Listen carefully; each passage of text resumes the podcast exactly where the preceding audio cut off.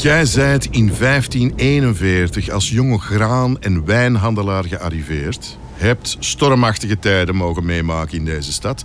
Met een broer die volgens u schulden bleef maken en riskante handelsbetrekkingen onderhield met de beruchte financier Gaspare Ducci. En waar jij u over opwond in brieven aan uw vader. Nadat twee door u gehuurde vrachtschepen in de handen vielen van piraten in de Golf van Biscayen, schreef gij hem dat gij zo wanhopig waart dat je wilde sterven.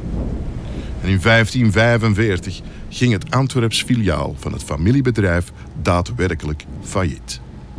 Vaak voelt het leven aan als een storm die men moet ondergaan, niet? Hoeveel keer hebt gij zo schipbreuk geleden?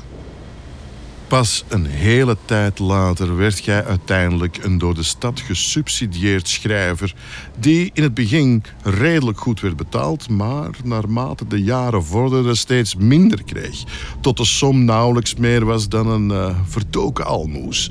Hoewel diezelfde stad u plechtig ontving en u eerde voor uw beschrijving van Antwerpen in uw boek over de lage landen of in uw taal de Descrizione di tutti paesi bassi. Wat een stormen in uw leven. Jij werd op een bepaald moment beschuldigd van moord op diezelfde Gaspare Ducci, verdween uit Antwerpen, kwam terug, kon op een bepaald moment twee hoven van plaisanterieën kopen, moest een jaar daarna alweer één terugverkopen, maar steeds koesterde jij de wens te schrijven en in 1565 was het dan eindelijk zover. Kwam toen de rust?